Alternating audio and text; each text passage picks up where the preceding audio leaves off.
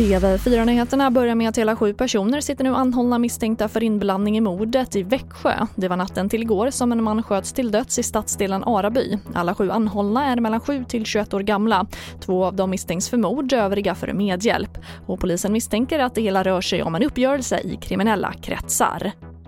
Och polisärenden om sexuella övergrepp mot barn som skett på nätet ökar, det rapporterar Sveriges Radio.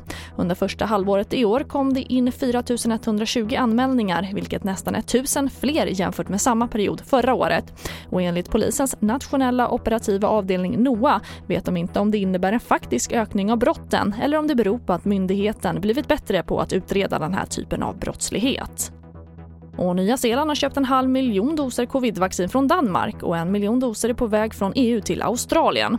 Ländernas vaccinationsarbete har nu fått fart efter att ha gått trögt jämfört med många andra länder. Och båda länderna har haft hårda nedstängningar trots relativt få fall. Och nu rapporteras också rekordmånga australiensare vilja lämna landet just för att undkomma de ständiga nedstängningarna. Och det får avsluta sändningen och fler nyheter hittar du i vår app TV4 Nyheterna. Jag heter Charlotte Hemgren.